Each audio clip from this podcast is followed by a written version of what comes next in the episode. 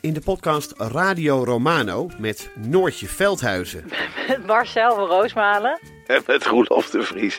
brengen we alle drie elke week een zogenaamde signalering mee. Wat heb jij nou weer bij je? En aan het eind bepalen we wie de winnaar van de week is. Echt een angstcultuur Lege huls die je er bent? Ja, dat gaat eigenlijk altijd onvriendelijk.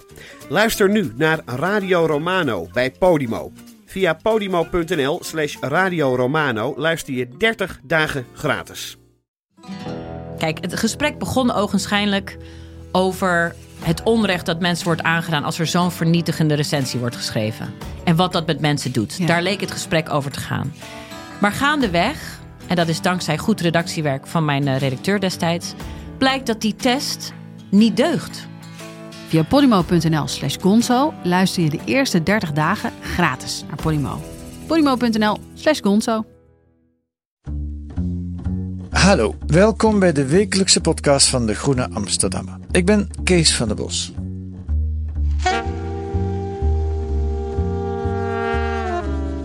Ja, en nu zou eigenlijk de podcast meteen moeten beginnen, maar ik kom er eerst even tussendoor. Ik zit hier thuis te monteren aan de podcast en ik hoor dat er onder mijn vragen steeds een heel kleine echo zit. Ik hoor eigenlijk mijn eigen stem vanuit Washington een heel klein beetje terug. Hinderlijk, ik heb het zoveel mogelijk proberen weg te filteren. En gelukkig zijn de antwoorden van Casper Thomas veel langer dan mijn vragen. Dus ik hoop dat je er niet te veel last van hebt. De Verenigde Staten zijn inmiddels het epicentrum van de coronacrisis. Meer dan 130.000 besmettingen. besmettingen sorry. en inmiddels meer doden dan bij de aanslagen van 9-11. Corona zorgt elke dag weer voor nieuwe onwaarschijnlijke berichten. Overal in de wereld neemt de staat de macht over. De economie stort in, massaal moeten er uitkeringen worden verstrekt en de gezondheidscrisis vraagt om leiderschap. En om uitzonderlijke maatregelen die de vrijheid beperken, op een manier die tot voor kort iedereen voor onmogelijk hield. Wat betekent dat voor de democratie? En helpt het autoritaire leiders? Daarover gaan we spreken met groene redacteur Casper Thomas, die daar deze week in De Groene een artikel over schrijft. Hij woont in de Verenigde Staten, in het land waar de coronacrisis het hevigst woedt. Dag Casper. Dag Kees, hallo. Ja, welkom in de podcast. Dankjewel. In Washington, Ja, vanuit Washington. eh, vanuit huis neem ik aan. Vanuit mijn studeerkamer of werkkamer. Ja, inderdaad. Iedereen zit hier ook aan huis gekluisterd. Eh, je mag nog wel gewoon naar buiten hoor. Dus eh, er wordt, eh, het lijkt er af en toe alsof hier een marathon gaande is. Zoveel wordt er hard gelopen. Maar de, de straten zijn ook heel rustig. De winkels zijn dicht, tenzij het supermarkten of levensmiddelenzaken zijn. Eh, maar Washington heeft hele brede straten. Dus op zich is het heel makkelijk om dat betreft om hier eh, anderhalve meter afstand te houden. En eh, Washington, Amerikaanse steden, voor zover ik ze ken, zijn altijd autosteden eigenlijk. Ja, en dat, ook daarin is Washington wat anders. Eh, je, je- het, het is ook maar een hele kleine stad eigenlijk. Dat, dat, dat, de- toen ik hier kwam, moest ik me daar, verbaasde ik me daar ook over. Oké. Ehm, er wonen hier ongeveer net zoveel mensen, echt in Washington zelf. hè, Als je niet, niet te verre buitenwijken meerekent, wonen hier net zoveel mensen als in Amsterdam. Ah, oké. En niet alleen maar op auto's gericht. Nee, er wordt hier best veel gefietst. Eh, het, is, het is beloopbaar eh, voor een groot deel. Eh, er zijn veel auto's en die staan nu allemaal stil lang op de parkeerplaats voor het grootste deel. Ja. Maar ik, wat dat betreft is Washington een, een, een, een stad die goed gemaakt is als het ware om de problematiek van nu op te vangen. Kijk, de, de tragiek in New York is natuurlijk ook dat het, het zit heel dicht op elkaar allemaal. Het, het is veel meer samengepakt en, en, en, en überhaupt veel meer mensen. Ehm, dus, je ziet, dus in die zin is Washington is, is toch wel een ander verhaal. Ja, ja, nou, het lijkt wel een beetje op Nederland, zoals je het zo eh, beschrijft. Ehm, wat betekent corona nou in jouw leven op dit moment?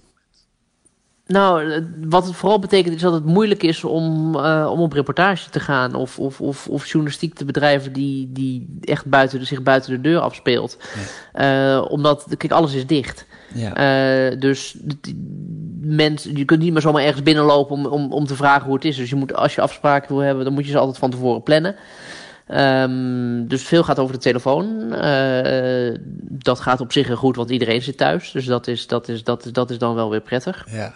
Ja. Ehm, en het is druk. Er is heel veel nieuws. Kijk, Amerika maakt dingen mee die ze in lange tijd niet hebben meegemaakt. Ja. Eh, er kwamen vorige week in één klap 3,3 miljoen werklozen bij. Ja. Nou, dat is, dat is, dat is een ongekend aantal. De, de, dat, de, de grootste werkloosheidspiek die in één keer ooit gemeten is, was 625.000. En dat was in 1982. Dus dat is Ja. onge- een ongelooflijk groot. En de Amerikaanse overheid is hyperactief geworden. Die heeft een steunpakket van 2,2200 miljard dollar aangenomen. Wat ook een recordbedrag is. Dus eh, de- de- er gebeuren hier waanzinnige dingen. Ja. En dat, dat, daar moet allemaal verslag voor worden gedaan. En dat moet allemaal gevolgd worden. Dus in die zin eh, heb je hier als journalist veel werk. Ja, ja.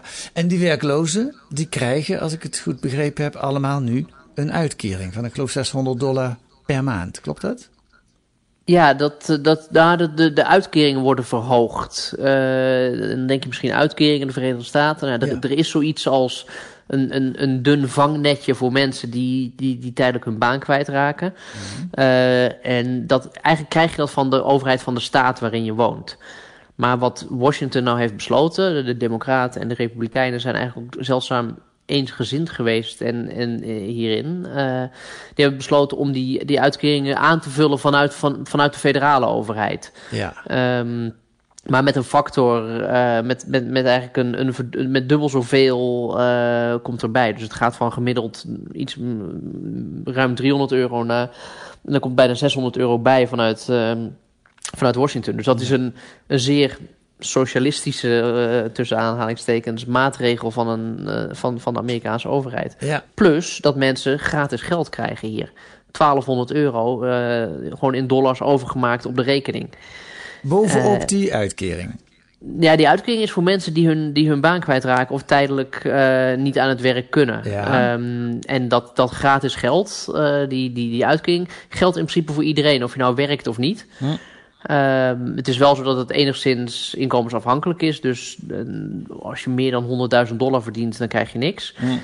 Maar daaronder en, en op, vanaf 75.000 wordt het een beetje getrapt. Maar in principe krijgt iedereen hier dus een, een cheque van de overheid. Om uit te geven of om dingen mee te betalen. En dat, dat klinkt heel nobel. En dat wordt dan als een soort economische stimulusmaatregel gepresenteerd. Van, oh, daar geven we de economie een boost. Maar eigenlijk is dat niet wat er gebeurt. Want wat je ziet in de cijfers, waar gaat dat geld uiteindelijk naartoe? Eh, waar gaan mensen het voor gebruiken? Daar zijn, daar zijn onderzoeken naar gedaan. Eh, het afbetalen van schulden, eh, het, betalen van, het afbetalen van de creditcard, eh het lopen de rekeningen. Dus het is, het is helemaal geen extra stimulans. Het is niet dat mensen ineens iets extra's hebben waar, waar ze mee gaan consumeren. Maar het is echt blijkbaar nodig om, eh, om, om lopende rekeningen te kunnen betalen en schulden te kunnen betalen. En dat zegt iets over hoe strak de Amerikaanse economie eigenlijk staat afgesteld. Dat zodra mensen een klein beetje inkomensverlies hebben of, of tijdelijk een, een maand of wat inkomen mislopen, dan staat heel veel mensen meteen het water aan de lippen. Ja. Dus mensen leven pay- paycheck to paycheck, wordt, het, wordt veel gezegd hier. Dus van, van salarisstrookje naar salarisstrookje. En elke keer gaat alles helemaal op. Ja, en, en merk je iets al van ook paniek of mensen die zich verschrikkelijk zorgen maken? Want het is allemaal weer ook bij jullie verlengd tot eind april, eind april hè, de maatregelen. Ja. Nou ja, kijk, de, de, de, de grootste paniek zit hem, zit hem, zit hem in, de, in de steden waarin dit momenteel echt het meest, de, waar de uitbraak het grootst is. Waarbij New York natuurlijk het absolute voorbeeld is. Eh, eh, ziekenhuizen die de capaciteit niet meer aankunnen. eh een noodhospitaal dat in Central Park gebouwd moet worden. Detroit is een stad die hard wordt geraakt. Is een van de armste steden van Amerika. Ehm, dus daar, daar zit echt de directe paniek. En het opvallende is dat het eindelijk ook een beetje lijkt binnen te dringen bij de persoon waarvan je hoopt dat die eh, leiderschap toont in tijden van crisis. Ja, Eh, Donald Trump. ja, Die begon met deze crisis volledig te bagatelliseren. Het was een griepje, het was perfect onder controle. Er was het, mensen dachten, als je Trump hoorde in de begindagen van de corona-uitbraak, dan dacht je, nou, hier in Amerika, er is niks aan de hand. En heel veel mensen geloofden dat ook. Heel veel van zijn eigen kiezers met name geloven dat ook. Ja. Alleen nu heeft hij gisteren een persconferentie gegeven. Waarin hij zegt, nou ja, we, we houden rekening met eh, 100.000 tot 240.000 doden in Amerika. En dat is een waanzinnig aantal. Dat is meer dan, dan, dan er tijdens de Vietnamoorlog zijn omgekomen. Ja, onvoorstelbaar. Nou, laten we even luisteren naar Trump zelf. Ik heb wat uitspraken van hem op een rij gezet. En het begint met een vrij recente uitspraak van Trump, een ruime week geleden, waarin hij claimt, dat is ook typisch Trumpiaans, dat hij eigenlijk als eerste wist dat het een pandemie zou worden. Maar daarna uh, hoor je wat uitspraken die hij eerder gedaan heeft. I've always known this is a, this is a real, this is a pandemic. I felt it was a pandemic long before it was called a pandemic. Now, the virus that we're talking about having to do, you know, a lot of people think that goes away in April with the heat, as the heat comes in. Uh, typically, that will go away in April. We're in great shape, though. Now, the Democrats are politicizing the coronavirus. You know that, right? Coronavirus. They're politicizing it. And this is their new hoax 35,000 people on average, die each year from the flu. Did anyone know that? 35,000. That's a lot of people. And so far, we have lost nobody to coronavirus in the United States. Nobody. Uh, we have very little problem in this country at this moment, five. And uh, those people are all recuperating successfully but we're working very closely with China and other countries, and we think it's going to have a very good ending for us. Donald Trump, um, komt hij daar nou mee weg met dit? Wordt hem dat aangerekend dat hij eerst dat hij zich dus zo vreselijk naast praat? Ja, dat is, dat is een hele goede vraag. En ik moet ook zeggen, ik ben eigenlijk eh, achteraf nog weer dubbel geschrokken als ik deze uitspraken zo, zo kort op elkaar hoor. Hoe dat, zo'n crisis, het gaat ontzettend snel. Mhm. uh, je weet bijna niet meer wat er eergisteren gezegd is ten opzichte van wat er vandaag gezegd is. Uh, en, en je hoort hier ook echt inderdaad hoe ontzettend onderschat uh, die corona-uitbraak is. Maar het gekke is, als je tot nu toe naar de peilingen kijkt dan is er sprake van een kleine Trump-bump, zoals dat heet. Uh, uh, zijn populariteit is gestegen de, eh, de afgelopen weken. Echt um, ja, en dat is, dat is aan de ene kant mysterieus. Want je zou toch denken, als mensen zien in hun omgeving dat mensen ziek worden, uh, horen dat de ziekenhuizen overbelast zijn en er is een leider die zegt, jongens, er is niks aan de hand. Dan, maar daar is ook wel onderzoek gedaan naar de, de politieke psychologie werkt vaak zo dat een leider die zichtbaar is, en dan maakt het bijna niet eens zo heel veel uit wat hij zegt. Ja. Uh, zichtbaarheid is altijd goed voor je, voor je populariteit. Want dat, dat geeft je de indruk dat je ergens mee bezig bent, dat je ja. daadkrachtig bent. Ja. Maar dat is, dat, is, dat is tot nu toe. En de grote vraag voor de komende tijd, en, en, en daar moeten we op een later moment maar zeker nog eens een keer over gaan praten, is gaat dit uiteindelijk, uh, gaan dit de coronaverkiezingen worden uh, voor Trump? In, mhm. de presidentsverkiezingen ze zijn in november. De campagnes zijn nu ook stilgelegd voor het grootste deel. Er worden voorverkiezingen in de staten worden uitges uh, uitgesteld. Okay. En, de, en de economie gaat nu, die gaat nu heel hard onderuit. Ja. En dat was natuurlijk altijd Trumps grote paradepaadje. Lage werkloosheidscijfers, een gierende economie. Uh, en die kaart kan hij niet. Die, het, het, gaat heel lastig voor hem worden om die kaart nog te trekken uh, in de opmaat na november. Mm -hmm. Dus het, het, dit, het wordt een zwaardere test voor zijn, voor zijn presidentschap als dit bestaat er niet. En ik denk een groter risico voor hemzelf om, om, om de verkiezingen te verliezen dan dit bestaat er eigenlijk ook niet. Dus, maar dat, heeft erg mee te maken met, met, met hoe dat de komende tijd wordt uitgespeeld. Maar probeer je dat eens voor te stellen. Stel inderdaad, het scenario gaat, ontwikkelt zich zoals het nu bezig is. De economie stort in. Daar gaan honderdduizenden Amerikanen dood. Er, is, er komt paniek eh, in, in de steden, in de ziekenhuizen. Um, hoe gaat zich dat tegen Trump keren? Gaat zich dat tegen Trump keren? Nou ja, dat is wat ik zeg, dat is, dat, dat is de grote vraag. Je ziet dat de Trump-achterban extreem loyaal is. Dat er is weinig dat hij kan doen of, of, of niet kan doen dat zijn, dat, dat zijn kiezers bij hem, bij hem weg doet drijven. Ja, ja dat, dat is iets wat je van hieruit ook denkt. Wat kan die man in godsnaam doen om de kiezers bij hem weg te drijven? Dat, er, er is bijna niks te bedenken. Nee, maar überhaupt kon niemand de coronacrisis bedenken en nee. een, een, situatie bedenken waarbij er inderdaad, zoals de peilingen dan nu zijn, uh, aan de ondergrens 100.000 doden in Amerika vallen.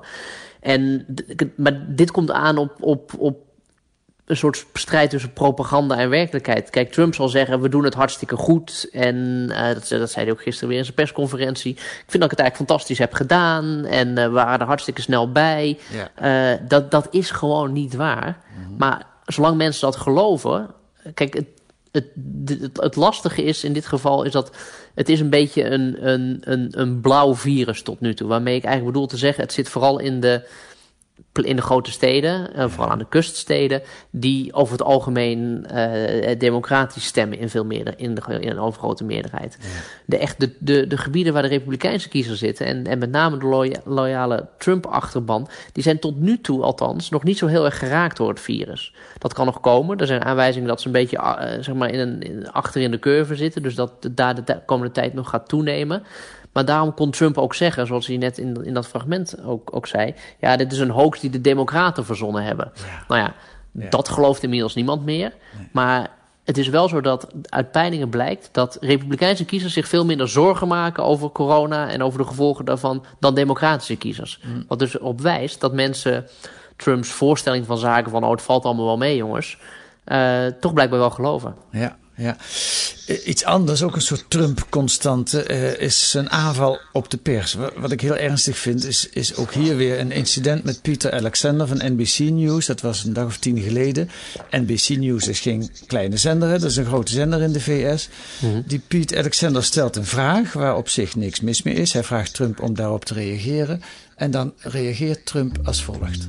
Nearly 200 dead, 14,000 who are sick, millions, as you witnessed, who are scared right now. What do you say to Americans who are watching you right now who are scared?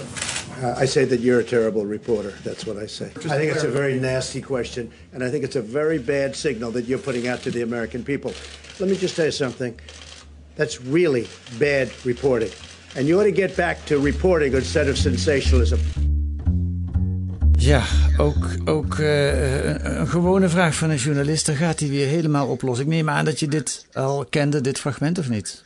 Ja, kijk, er is sowieso altijd wel veel Trump in mijn leven. Uh, en in, in deze tijden nog meer. Hij houdt namelijk elke dag een persconferentie. Niet alleen. Dat is met zijn, met zijn coronateam. Daar zit Mike Pence in. Daar zit Anthony Fauci in. Dat is de, de meest vooraanstaande viroloog hier in de Verenigde Staten. Dus dat is een heel scala aan mensen. Maar er is elke dag om, om, om vijf uur is het, uh, is, het, uh, is het zendtijd. En daar wordt ook veel naar gekeken. Die, en een van de dingen die daar gebeuren. En dat raakt een beetje aan wat ik, waar ik het net over had, die, die, die, die propagandavraag. Trump gebruikt die dagelijks, dagelijkse persconferentie niet alleen om een soort briefing te houden, jongens, nou dit en dit gaan we doen en, en, en zoveel zieken en zoveel doden hebben we. Maar ook om, om elke dag even een robbertje te vechten met, uh, met de pers. Ja. Um, tot op het punt dat, dat zenders aan het overwegen zijn om bepaalde delen van die persconferentie, of zelfs die persconferentie in zijn geheel, maar niet meer uit te zenden. Omdat eigenlijk de vraag is: wat is de informatieve waarde ervan. En dat is een lastige beslissing, want als het gaat om de, de experts die dan spreken, eh, bijvoorbeeld zo'n viroloog, dan is de informatieve waarde heel hoog. Um, maar voor een deel, voor een deel waarin Trump, Trump spreekt, uh, is maar de vraag of het, of het informatie of misinformatie is. Ja. En wat je dus ziet is dat tot nu toe sommige zenders dan gewoon even wegklikken. Die, die zenden die conferentie dus niet meer in zijn geheel uit, maar die knippen, die, die knippen alleen de, de, de feitelijke delen eruit bijvoorbeeld. Ja. Um, dus er is een enorme strijd om betrouwbare informatie gaande momenteel in de Verenigde Staten. Ja. En dat is natuurlijk direct verbonden met de politieke belangen die daaraan vastzitten. Ja, maar je ziet dus, de, de leider is ontzettend zichtbaar in de crisis. Trump is ontzettend zichtbaar en hij gebruikt het eigenlijk elke dag om reclame te maken voor zijn fantastische politiek. Ja, dat is eigenlijk wat je, wat je ziet. En ik, ik vind het heel lastig om nu een voorspelling te doen om te zeggen, nou dat, dat werkt of dat werkt niet. Dat is, dat is iets wat we dus de komende tijd moeten gaan zien. Um, de theorie die ik al eerder noemde, een zichtbare leider is al snel een populaire leider die doet zeker opgeld momenteel in de VS. Dat, dat, dat, dat zie je absoluut. Alleen de vraag is hoe lang uh, je het, het, dat kunt volhouden. En, en of op een gegeven moment is waarop dat ook weer afvlakt. Ja. En ja. wat we ook nog niet hebben gezien, want die, die setting, daar zijn we gewoon nog niet in. Want officieel moeten de Democraten hun kandidaat nog aanwijzen. Kijk, er komt een moment waarop de aanpak van de coronacrisis als vuurpijlen op Trump afgeschoten gaan worden. In debatten, uh, in, in, in, toch ook meer in, in opiniestukken en op televisiegesprekken. Dus die, de echt de politisering ervan, die, die, die moet nog komen. Ja, ja, ja, en dat is allemaal moeilijk voorspelbaar hoe dat zal gaan lopen. Ja, en dat is iets om te volgen. Ja. Uh, nog één ding, dat lezen we hier in de kranten veel. Het is ook een soort ruzie constant tussen de gouverneurs van de staten en Trump. Hè? Wat kun je daarover vertellen? Ja, nou, dat is gewoon, dan, dan zou je als voor, beste voorbeeld kunnen nemen Andrew Cuomo. Dat is de, de gouverneur van de staat New York. Ja. Uh, die, heeft, die doet ook bijna elke dag een persconferentie.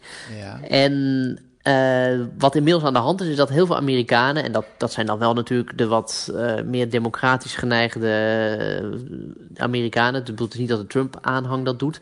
Maar die, die, die, die, wat ik zeg, die kijken vaker naar, de, naar, naar Andrew Cuomo vanuit New York dan naar Trump vanuit Washington. Ook al wonen ze helemaal niet in New York. Vanuit, ook, ook in Californië zijn er mensen die daarnaar kijken. Want die man geeft ook een dagelijkse update hoe het gaat met het coronavirus. In zijn staat in, en in, in, in de stad die daarbij hoort. Maar qua stijl is hij heel anders dan Trump. Hij is zakelijker, hij houdt zich meer aan de feiten... en hij is toch ook wel een slag empathischer. Ja. En en wat gebeurt er in Amerika? Zodra iemand in het, in het publieke, in het, in het oog van het brede publiek springt, wordt onmiddellijk de vraag gesteld: Goh, gaat hij geen president, wil hij niet president worden? Gaat hij zich niet verkiesbaar stellen? Ja. Nou, daarvan heeft Cuomo gezegd: Nou, dat, dat, dat is niet aan de orde. Um, maar dat is wel. Ja, even over, ja? Die, die, die toon van Cuomo, die, kan, die, die is inderdaad heel anders dan Trump. Daar kan ik ook een stukje van laten horen. Oh ja, heel goed. We're all anxious. We're all tired. We're all fatigued. It's been all bad news for a long time. Our whole lifestyle has been disrupted. Everybody wants to know one thing when is it over? Nobody knows. I can say this it is not going to be soon. Gewoon recht, recht op de man af het slechte nieuws onder woorden brengen. Ja, ja kijk, Trump handelt een beetje in, in, in de valse zekerheid. Uh, en, en Cuomo die presenteert eigenlijk de, de eerlijke onzekerheid. Ja. En het is dus interessant om te kijken eigenlijk wat, uh, wat het populairst is, wat het beste valt bij mensen. En dat, uh, dat is zoals we zeiden een open vraag. Ja.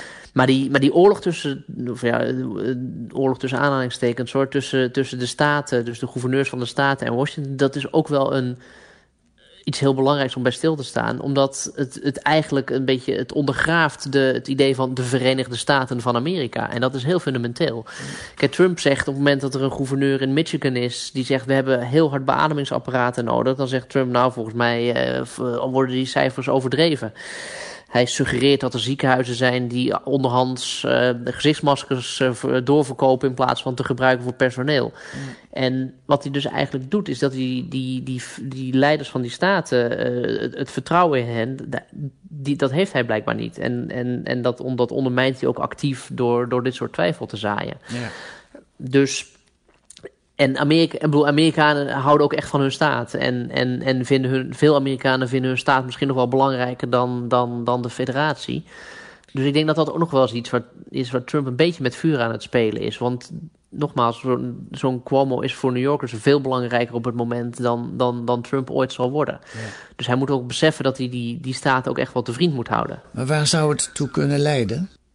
Nou, het, het, zou niet, het zal niet leiden tot een uiteenvallen van, van, van, van de Unie. Dat, dat, zo, zo scherp zie, zie ik dat niet. Ik denk dat het, dat het op de lange termijn kan leiden tot een, een verdere afkeer en, en delegitimering van, van Washington als, als, als, als politieke macht in de Verenigde Staten. Mm. Het wantrouwen tegen Washington is sowieso enorm groot al. Dat is, het feit dat Trump überhaupt verkozen werd, is daar ook een uiting van geweest. Mm. Um, de manier waarop dat nu gebeurt, ik denk dat dat, dat, dat het vertrouwen in Washington op een bepaalde manier nog maar alleen maar verder ondermijnt. Ja. Dus dat is een soort lange termijn gevolg dat ik, uh, dat ik zie. Maar misschien, en dat is natuurlijk weer de andere kant van de verhaal. Kijk, als zo'n zo'n stimuluspakket met gratis geld voor Amerikanen, uh, verhoging van de uitkeringen, steun voor bedrijven, laat ook zien dat Washington op het moment dat er echt crisis is, toch wel uh, levert, om het ja, maar zo te zeggen. Misschien niet genoeg. Ja. ja. Dus, die, dus het, is, het, is, het is heel. Dat is met zo'n crisis als dit. Hè. Het is nooit eenduidig. Je kunt niet zeggen, nou. Uh, duidelijk goed voor autoritaire leiders of duidelijk goed voor de democratie. Er zijn, ja. het is, we leven in, in een tijd waarin het is een beetje een cliché aan het worden, maar alles aan het veranderen is. Ja. Het kan ook zijn dat we straks weer naar het normale teruggaan. Maar het is niet eenduidig welke kant het op gaat. En dat geldt ook voor de Verenigde Staten. Ja. Oké, laten we. Nou, we hebben het heel veel over de Verenigde Staten en dat is ook reuze interessant, dus dat is ook prima. Maar laten we ook even naar jouw artikel van deze week gaan, wat voor een deel over de Verenigde Staten gaat, maar voor een deel ook over wat doet de coronacrisis met de democratie. Eh, eerst even een heel andere vraag, bijna een journalistiek-technische vraag. Maar als je zo, als journalist je zo'n vraag stelt, hè, hoe pak je dat aan? Dus dat, dat, de, de, de journalist van De Groene pakt het, op- pakt het op twee manieren aan. Die, die, die, die, die doet twee dingen. Die kijkt naar de actualiteit. Wat gebeurt er echt op dit moment in de wereld? Eh, wie zijn de mensen die daar iets interessants over te zeggen hebben? Eh, die lees je, die bel je op. Eh, ik heb bijvoorbeeld voor dit stuk gesproken met Adam Tooze. Dat is eh, de, eigenlijk de, de chroniqueur van de vorige crisis, eh, de, de financiële crisis geweest. En hij is een historicus en hij heeft een fantastisch boek over die vorige crisis geschreven. Dus dat was echt iemand om even te vragen van... hé, hey, eh, hoe is deze crisis aan het uitpakken? Dat is de ene kant. Maar aan de andere kant probeer je toch ook te kijken... de wereld begint nooit elke dag opnieuw. Er, zijn, dus de, er spelen al dingen die lange tijd lopen... waar deze crisis op inhaakt. Dus in die zin moet je ook even afstand nemen... en eens kijken welke politieke trends, welke maatschappelijke trends zijn er al langer bezig, die nu als het ware het kruispunt over waar deze crisis mee, ja, mee, mee, mee kruist. En toen kwam ik uit bij een, eh, een, een, een Franse politicoloog, Pierre Rosanvallon, die zich al lange tijd bezighoudt met de vraag hoe komt het toch dat we zoveel meer belang zijn gaan hechten aan, het, aan, aan politiek vertegenwoordigd door één persoon, door de leider, door de president. Hij noemt dat de ver- verpresidentialisering van de politiek. En dat was al bezig voor corona. En die twee trends komen dan bij elkaar. Ja. Die, die, die, lange ver- die langere verpersonali- verpersonalisering, ver- hoe zeg je, ver- Ver- verpersonifici- ja. het is, Ja. Het is, af en toe breekt de tong even. Ehm, en een crisis die ineens om, uit- aan, om, om, om exceptioneel leiderschap vraagt. Ja. Ja. Dus op die manier, wat ik zeg, probeer de, de, de langere ter- termijn en, en, en, en de actuele trend probeer je bij elkaar te trekken. Ja. Het is een reuze interessant experiment waar we met z'n allen in leven eigenlijk. Ja, en, en een rol van de politiek verlangt, eh, die we, waar we op een bepaalde manier ook een beetje onwennig mee zijn, zeker Ja. in democratieën. Ja. Eh, de maatregelen die worden genomen zijn vrijheidsbeperkend, inderdaad, wat je net al zei, op een schaal die we in principe niet accepteren. Ik bedoel, we, we- dat, dat, dat, dat, dat, dat doen we niet. Ehm, alleen, het punt is nu is het ineens nodig. En dan is de vraag, eh, accepteren we dat? Vinden we het oké dat er leiders zijn in democratieën of in, of in minder sterke democratieën, die zich dit soort bevoegdheden aanmeten om dat soort, dit soort noodmaatregelen uit te voeren. En, en, en houden we ons daaraan? En dat is een, in die zin een politiek experiment. En het is er ook eigenlijk wel echt een test voor leiders om te kijken... Kun, op het moment dat ze echt onder druk staan... op het moment dat ze echt verantwoordelijkheid moeten nemen... kunnen ze het aan. Ja. En kunnen ze zich ook in die rol passen. Ja. En dan zie je dat sommigen daar beter in zijn dan anderen. En ik heb het idee dus bij Trump een beetje dat hij eigenlijk, eigenlijk niet. Het is geen goede crisispresident. En Omdat hij niet. Hij is niet, hij is niet, niet, niet consequent. Dus de ene dag dat en de andere dag het andere. Ja. En ik denk dat leiderschap in crisistijd is e- iets wat dat vraagt, is, is, in, is consistentie. En, en proberen dicht bij de feiten te blijven. En dat zijn nou precies de twee zwakke plekken van Trump. Ja. We gaan het zien, ook wat het allemaal teweeg brengt.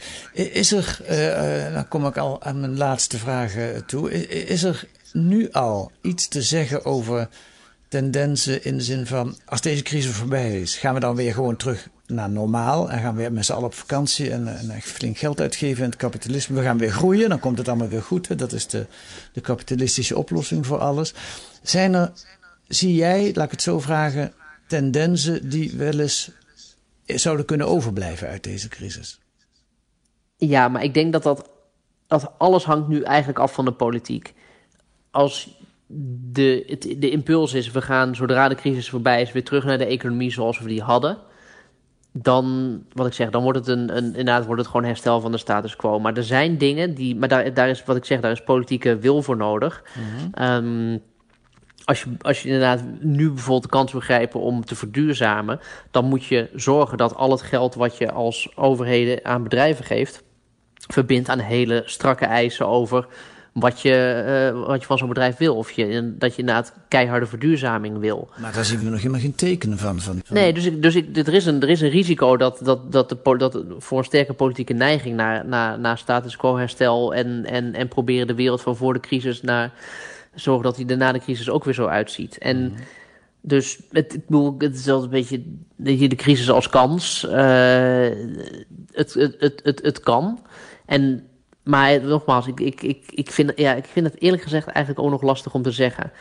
Um, ik denk wel dat de politiek moet beseffen dat dit de moment is waarop ze macht hebben. Ze kunnen ook gewoon ervoor kiezen om bepaalde sectoren uh, gecontroleerd failliet te laten gaan, bij wijze van spreken. Als als ze willen dat die niet meer zo'n grote rol in de economie spelen. Dus ik denk dat, dat die leiders moeten beseffen dat dit een kans is, een moment is waarop ze de gelegenheid hebben om de samenleving en de economie die daaronder ligt, eigenlijk opnieuw te scheppen. Ja. En, maar dat besef is wel nieuw, want het idee was altijd, we zijn afhankelijk van de markt en van mondialisering en, en de politiek die, die managt een beetje en die stuurt een beetje, maar heeft eigenlijk, is eigenlijk niet, niet, meer, niet meer zo machtig. Ja. En als iets is wat deze crisis kan laten zien, en dat geldt dus voor democratieën, maar en, en, en, en ook voor landen waar de autoritaire leider zit, laat zien dat de politiek wel degelijk macht heeft en echt een sturende rol in de samenleving kan hebben. En ik, dat, ik denk dat dat wel een blijvende erfenis kan zijn.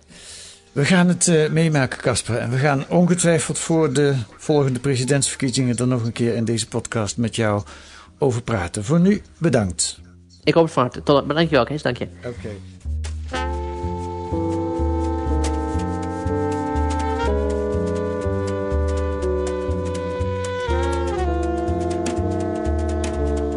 Dat was Casper Thomas. Deze week in De Groene ook een reportage uit Brazilië. Het Brazilië van Bolsonaro, waar het coronavirus verder oprukt. En behalve eh, omdat Bolsonaro niks doet, gaan de bendeleiders de orde handhaven. Marion van Rooyen schrijft daarover. En een tweeluik over het RIVM, waardoor de verkoop van de vaccinproductie ook een deel van de vaccinkennis verdween. Dat kan allemaal met een proefabonnement op de Groene, of met een abonnement natuurlijk. Maar dat proefabonnement kunt u op groene.nl nemen. Dan krijgt u voor 15 euro 10 weken de Groene in de bus.